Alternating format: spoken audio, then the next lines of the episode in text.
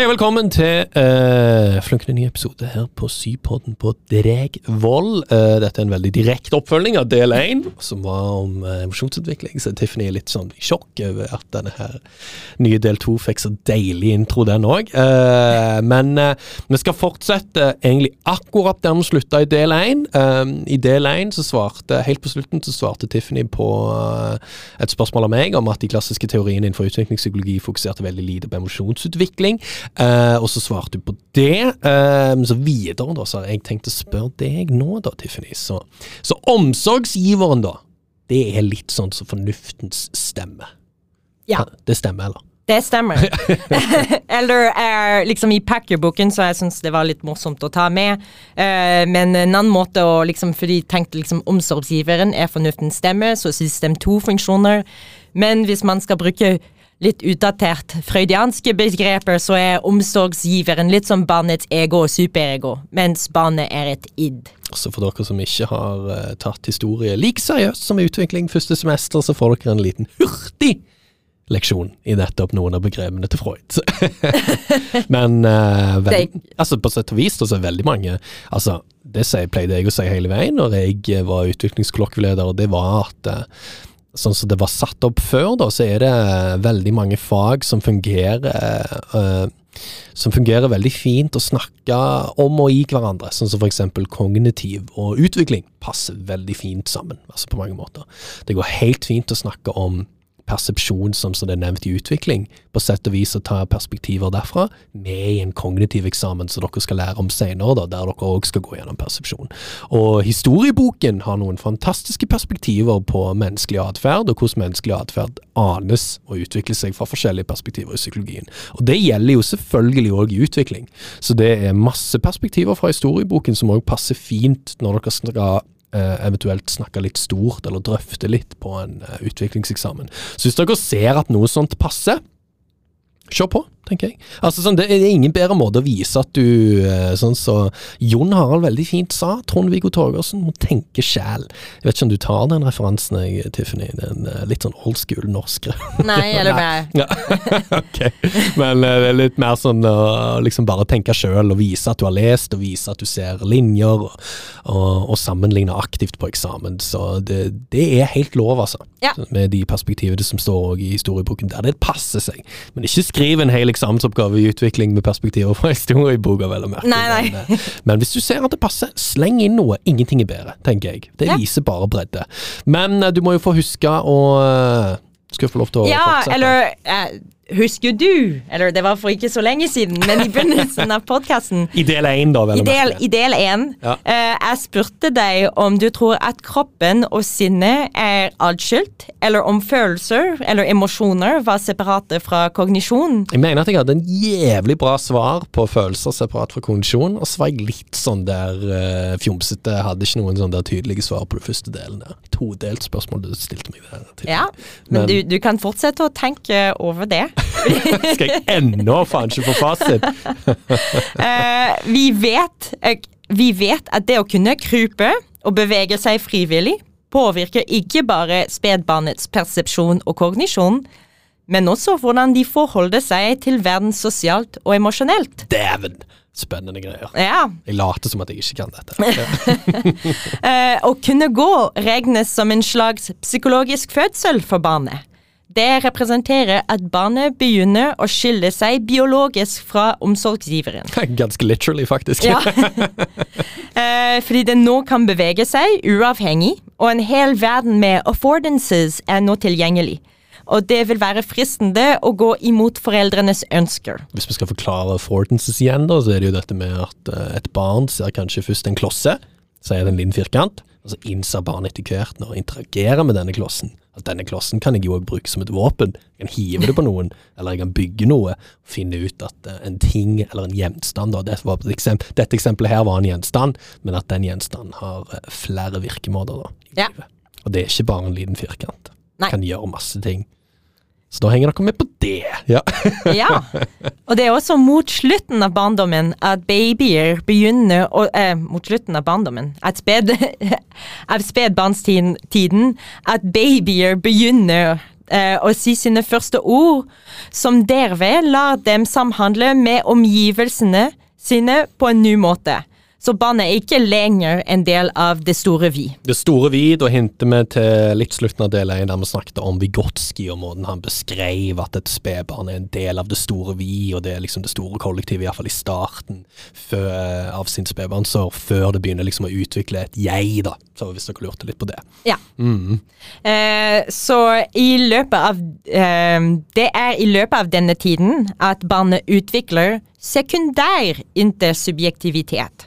Så i stedet for bare å fokusere på hverandre, er spærbarnet nå i stand til å dele fokus med en omsorgsperson på et objekt. Så de deler oppmerksomheten.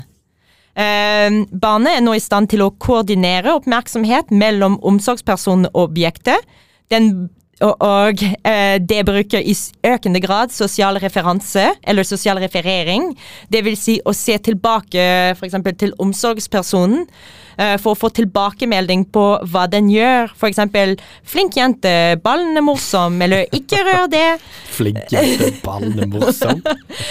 eh, dette for å vite eh, for, eller Barnet gjør det for å vite omsorgspersonens reaksjoner på spedbarnets oppførsel mot objekter, situasjoner eller mennesker. Så det ser man mye av i The Strange Situation. Ja. Jeg syns det passer bedre å bruke en hund som et eksempel. der. Det er bare sånn En hund går bort til noe, eller en katt òg, for den saks skyld. Så skal de interagere med en eller annen kopp, eller gjøre et eller annet så de vet det er dumt. Og så snur de seg sånn. Å, hva skjer hvis jeg gjør Hva skjer hvis jeg uh, river ned denne greia? ja, no. Det var det første som slo meg når du nevnte det nå. Jeg bare satt og tenkte på den der jævla bikkja hjemme. som er så masete av og til. Veldig søt, men litt masete. Ja, men nok et eksempel på at du har emosjoner. Ja, takk for Og- det. ja. Thank you. Thank you. uh, så ja, så vi ser at når barna går inn i småbarnstiden, eller det vil si når den er småholding, toddlerhood, at etter hvert som språket og bevegelsesferdighetene blir mer sofistikerte, uh, som gjør at de utvikler en økende selvoppfatning. Uh, barnet har mye mer handlingsrom. Dette fører til psykologisk differensiering ettersom barnet blir til et individ. Kan man da si at eh, hvis man linker dette her til det psykologiske, eller det der eh, det som jeg nevnte med Psykologisk fødsel. Eller det store vi, da. Ja. På sett og vis fra at det, det, Hvis man bruker det perspektivet, så kan man òg si at eh, det du beskriver her, er måten barnet utvikler jeget, da, f.eks. Ja. i Gotskys syn. Ja. Er det korrekt å si? Ja, jeg ville sagt at det er korrekt. Ja, kult. Og som sagt, det kommer med motorisk og kognitiv utvikling. Mm. Det er en fin måte for dere òg å, å, skrive om det på på en eksamen. ikke sant? Altså, det er ingenting som stopper dere fra å ta sånne veldig logiske trekk og linjer av seg sjøl. Linjer, linjer mente jeg selvfølgelig. Men det er ingenting som stopper dere fra å gjøre det, og iallfall når det er så enkelt og så greit å gjøre det. Så gjelder det litt sånn, det er jo dette her med at, uh, at det er litt essensielt for uh, studenter å få den selvtilliten til å gjøre det Ja. når de skriver en eksamen. Det er jo det som er litt clouet første semester. Det er jo nettopp å ta sånne løp når man føler det er vanskelig uh, i tekst. Eh, det, det, det er litt av grunnen til at jeg tror at pod-formatet òg fungerer veldig fint, og noen syns det er greit, fordi det hjelper litt sånn, kanskje det hjelper noen studenter å, å plukke ut ting som kanskje de føler Eller det er vanskelig å plukke ut hva som er viktig av og til, sant, når man snakker om ting. Men òg at vi hjelper de på vei med å liksom finne veldig enkle og gode linjer, sånn som dere kan skrive på eksamen. Og det, det, altså sånn, det, dette her hørtes kanskje ikke ut som en big deal. For noen så tenker de at det, det var veldig logisk, men for andre så har de kanskje tenkt at nei, dette er jo noe helt annet og mer presist enn det Vygotsky sier, som er mer teoretisk. Men det er ingenting som stopper deg fra å beskrive og bruke de to opp imot hverandre. Nei. Det er faktisk den måten, kanskje det er måten å gjøre det på. Ja, det var et godt poeng. Mm -hmm. um, jeg må liksom Ja. Så nå har vi begynt å snakke om eh, psykologisk differensiering, og barnet blir til et individ. Og dette gjenspeiles, gjenspeiles i bruken av eh, selvrefereringsspråk.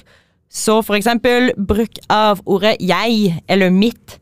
Og det er også på dette stadiet at spedbarn er i stand til å identifisere seg i speilet. Men obs!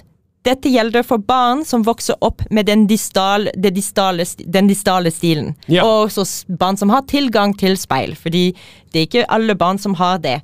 Så når det gjelder land med en mer proksimal stil, eh, har det blitt observert at de har en større selvreguleringsevne på denne alderen. Men kanskje hvis ikke de har tilgang til et speil, så uh, liksom vi kan ikke si at de ikke kan eh, liksom um, Ja, Man kan ikke si med to streker under svaret at de ikke har denne evnen, selv Nei. om det ikke er et spill. Det kan godt være at de har det, Ja. men at de forstår seg sjøl i et jeg-perspektiv på en annen måte som kanskje vi ikke forstår, for vi tenker speil.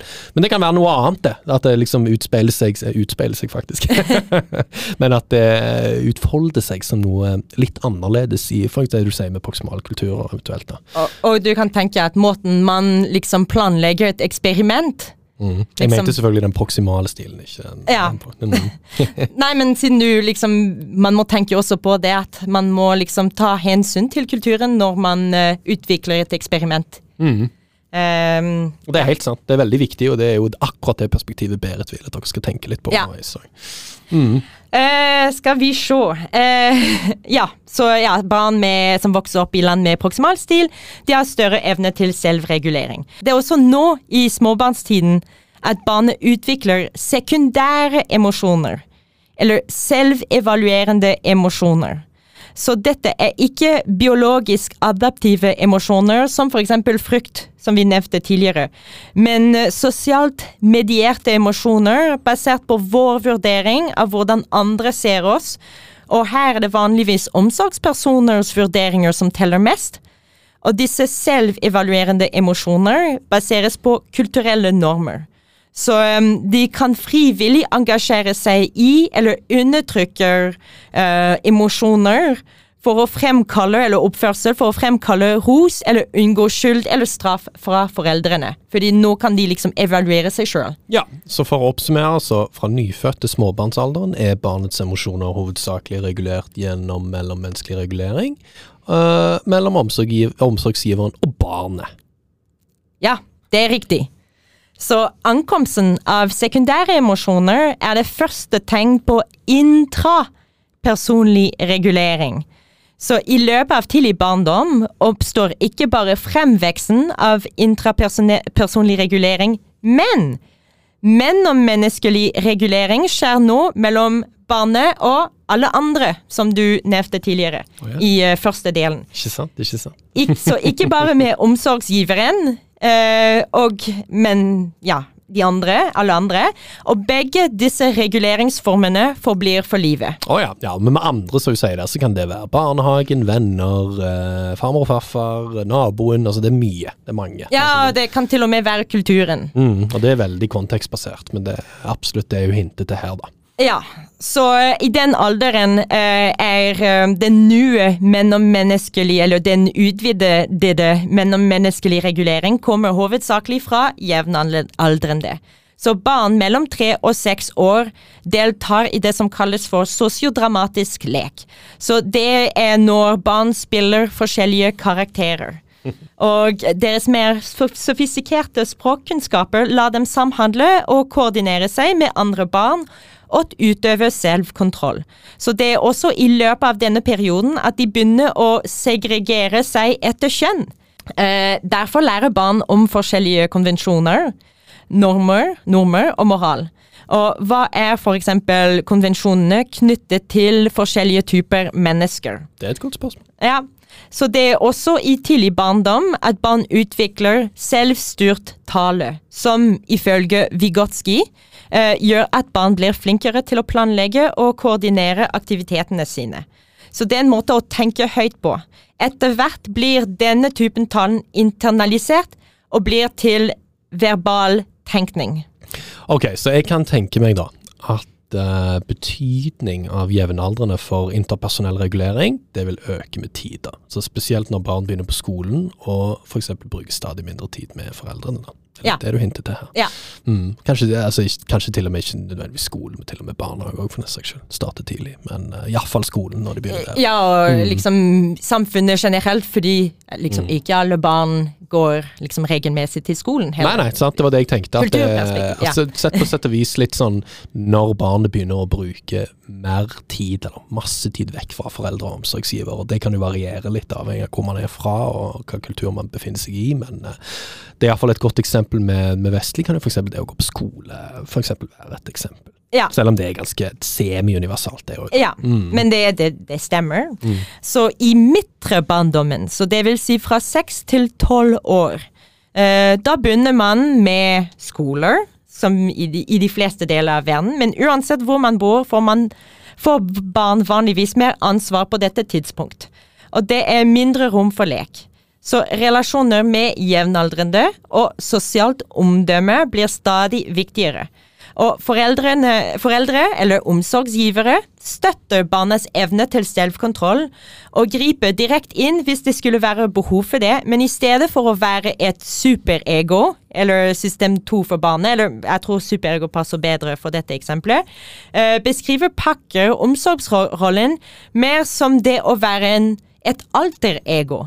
Eh, foreldre prøver nå å påvirke barna sine, sine gjennom rasjonelle argumenter, i stedet for å kontrollere dem direkte, og kan, gi, og kan gjøre større appe- appeller til barnets ansvarsfølelse, samt fremkalle selvevaluerende emosjoner som skyld eller stolthet. Ja. Um, så ettersom barnet har en større uh, følelse av hvor det passer inn i lokalsamfunnet, er barnet mer bevisst på hvilke emosjoner er hensiktsmessige å vise, og når. Eh, så denne evnen til å reflektere over egne emosjoner og hvordan man skal reagere som svar på disse emosjonene, er kjent som metaemosjon. Som en konsekvens betyr dette at barn nå kan engasjere seg i emosjonelt bedrageri. Dæven. Men det, det trenger ikke være en dårlig ting, for eksempel. eh, hvis, Det var mer det trykket du la i det når du sa det. Emosjonelt bedrageri. Ja. Men et godt eksempel på det er eksempel du får uh, en gave som du er ikke så glad i. Ja. Men uh, du er høflig, så du smiler og sier takk. Tusen takk for uh, nok et par med sokker til jul. Det er jo en klassiker. Thank you, Ja. thank you. Ja, men det kan være snilt å ikke si sannheten. Jeg setter jo pris på sokken òg, altså, det er jo ikke det jeg sier, men det er jo eh, Ok, jeg prøvde å, prøve å leve meg inn i din verden av beskrivelser her. Ja, men det var et godt eksempel. Var det det? Ja. Eh, og videre blir kjønnsforskjellene i hvilke emosjonsuttrykk som er lov å vise, større. Så jenter har en tendens til å maskere eller skjule negative emosjoner, og gutter begynner å gråte sjeldnere. Faen, jeg griner hele veien, jeg. Og denne uoverensstemmelsen, eller inkongruens, mellom ens subjektiv følelse av emosjonen og det fysiologiske uttrykket for emosjonen, er kjent som desomatisering. Eh, Så hvis vi tenker på somatiske lidelser, det er lidelse av kroppen, så det er desomatisering fordi det er tatt ut Mm. av eh, kroppen. Spenstig. De viser også det som kalles for en miniaturisering av følelser når de er alene. Så dette betyr at deres emosjonelle uttrykk minimeres når de er alene. Men ok da, hvis jeg Ja. forstår riktig, så er den mellommenneskelige reguleringen i tidlig barndom og i det som du kaller den midtre barndommen. da. Ja. Uh, og tidlig barndom og i midtre barndom, ikke lenger bare mellom foreldre og omsorgsperson òg, vel å merke, men det involverer nå jevnaldrende, som jeg nevnte før, og til og med kulturen som de befinner seg i som helhet. Ja. Her kan det være mye. Her kan kulturen være eh, et small community, big community, det kan være internasjonalt, det kan være liksom typ Norge, altså Sverige, eh, Somalia, eh, Japan, Kina. Eh, det hvordan man på en måte velger å definere kulturen som man befinner seg i her, det, det har både et sånn meso- og makroperspektiv, tenker Ja. jeg. Uh, um, og ikke bare det. Intrapersonlig regulering uh, kan òg nå på en måte ses på som barn som kontrollerer sine egne emosjonelle uttrykk for å styre hvordan andre oppfatter seg sjøl, eller de sjøl. Ja, det er slik jeg forstår det. Veldig bra. Eh, Så for å komme tilbake til spørsmålet som jeg stilte i begynnelsen, om eh, dualisme mellom kropp og sinn og emosjoner og kognisjon. Mm -hmm. Det dualistiske synet, at sinn og kropp er separat, er utdatert, siden vi har sett at mange kognitive evner utvikler seg i takt med fysiologiske evner, som f.eks. å gå. Og vi har teknologien til å observere at disse kognitive prosessene skjer i hjernen, som er selvfølgelig en del av kroppen. Eh, når det er snakk om emosjoner og kognisjon, har emosjoner historisk sett blitt betraktet som noe kroppslig og primitivt, mens fornuft og kognisjon blir sett på som overlegen.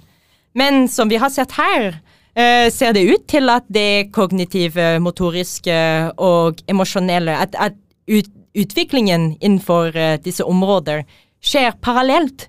Og de såkalte kognitive sentrene i hjernen vår er veldig nært knyttet til emosjonsbehandlingsregionene.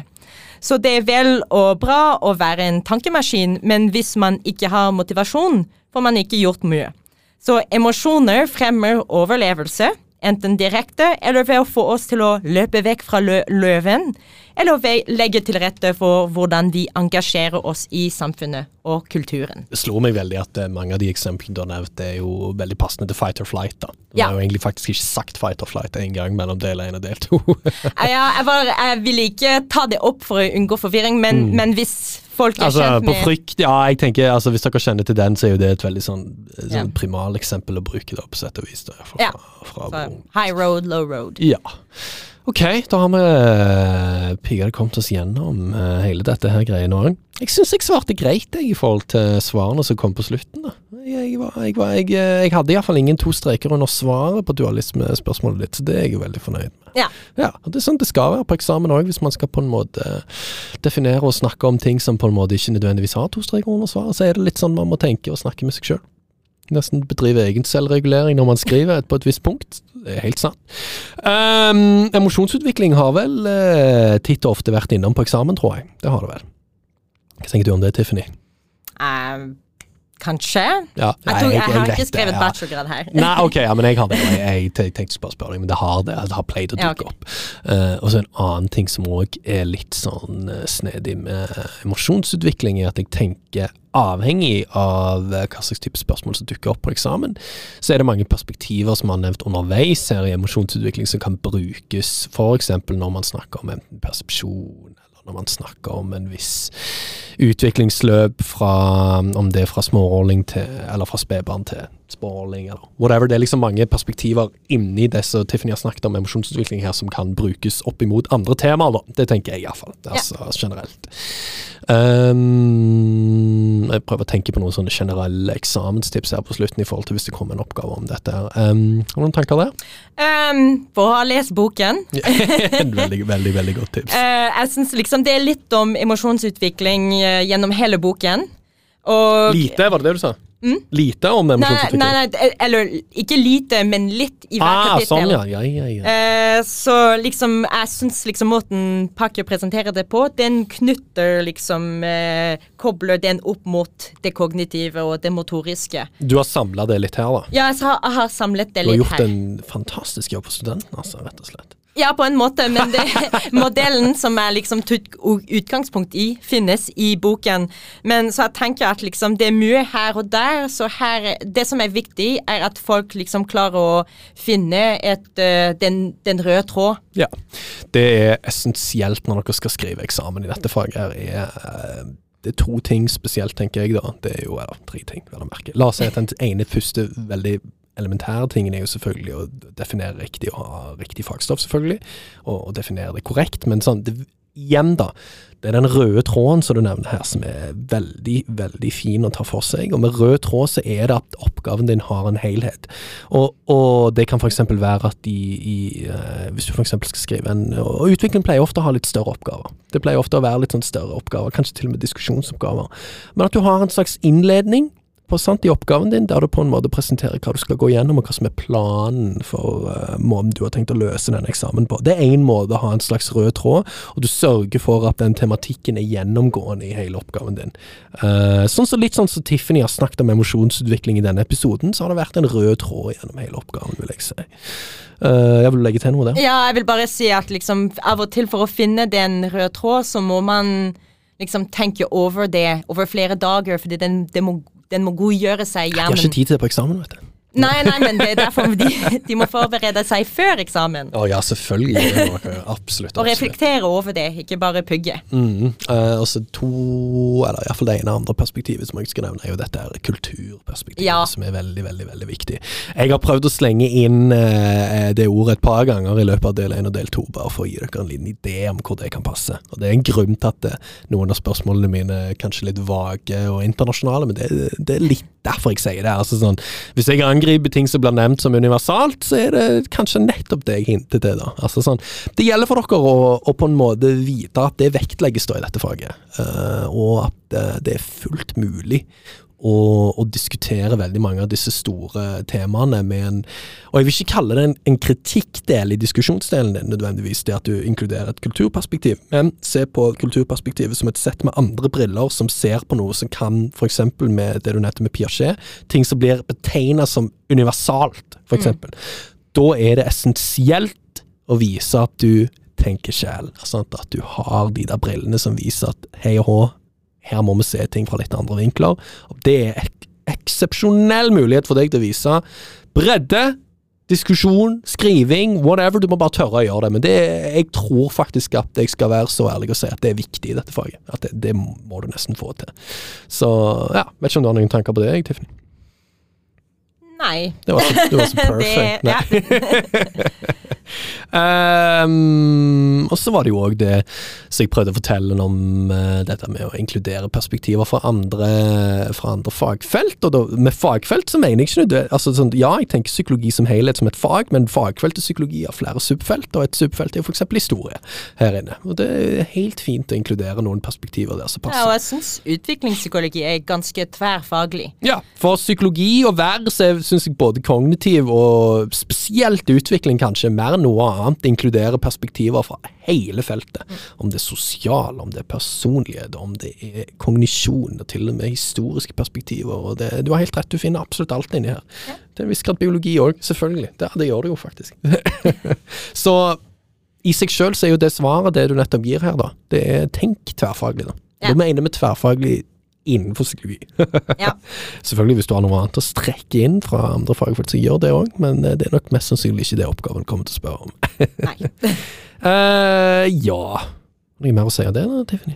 Uh, eh, eller jeg kan godt si at når jeg skrev manuset, så det var veldig viktig å tenke på avgrensning. Mm. Fordi det fordi det er, en, det er en fare når ting er såpass tverrfaglig at man har lyst til å trekke inn Alt, sant. alt mulig. Og det er en vanskelig, vanskelig evne. Ja, Jeg syns du klarte det bra, jeg, Ja. ja, ja men, eh, men, men at eh, liksom det, det, det tok sin tid. Ja, det må dere òg tenke på på eksamen òg, da. Ja. merke. Um, sånn vanskelig ting, det der. Noen elever, eh, eller studenter, eh, klarer jo å skrive veldig mye, veldig masse, og beholde den røde tråden. Eh, og det fungerer for de. Og hvis man klarer å gjøre det bra, så ligger man mest sannsynlig veldig godt an. da. Altså, sånn, det, det er mange som merker det. Og så er det andre som får vel så god karakter, om ikke bedre, eh, som er litt på den andre sida. At de begrenser og avgrenser korrekt, og at de er fokusert og detaljert der det skal være detaljert. Ikke legger ut i lange avdrag, men nå sier jeg ikke at dere ikke kan gjøre det, men det, nå skal jeg ikke skape forvirring, men begge deler går, iallfall er det jeg prøver å si. Sant? Det er en, en konsis, avgrensa oppgave som svarer på det han skal gjøre, og får med alle de viktige detaljene. og alle de viktige diskusjonene er vel så bra som en som kanskje er fem, seks, syv, åtte, ti sider lengre, som inkluderer kanskje litt større debatter underveis. Jeg er litt på den, jeg. Jeg pleier jo liksom å dra ut i sånne lange Men det går fint for meg, og det går fint for Tiffany, da, for eksempel. Hvis Ja. vi for eksempel skal bruke oss to som to eksempler. Begge deler går. Begge deler er verken feil eller korrekt.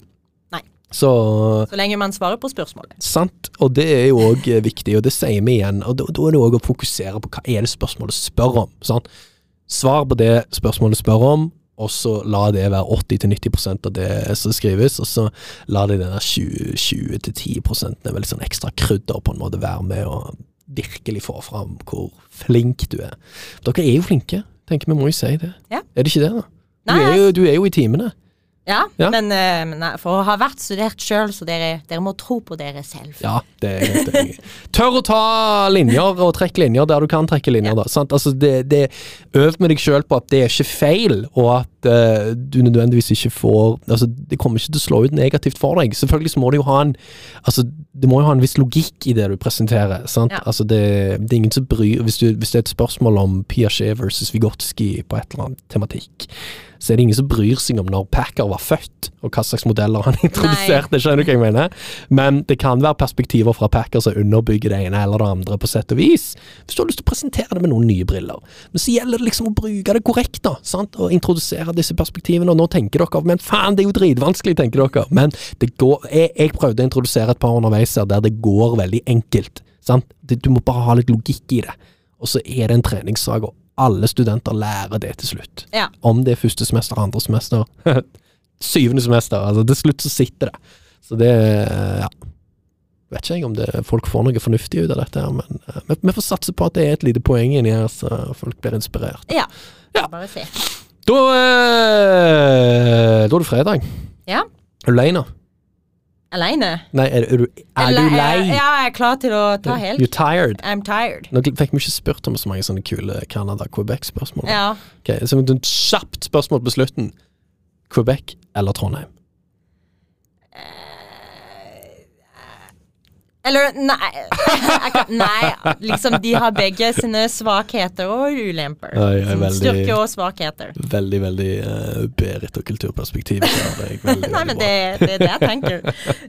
Og med that bombshell, som Jeremy Clarkson pleier å si, så sier jeg lykke til på eksamen, folkens. Bruk pod hvis det trengs. Kule perspektiver der. Ikke direkte avskriv. Bli inspirert. Det er det viktigste. Med det så ønsker jeg dere lykke til på eksamen, og takk for i dag.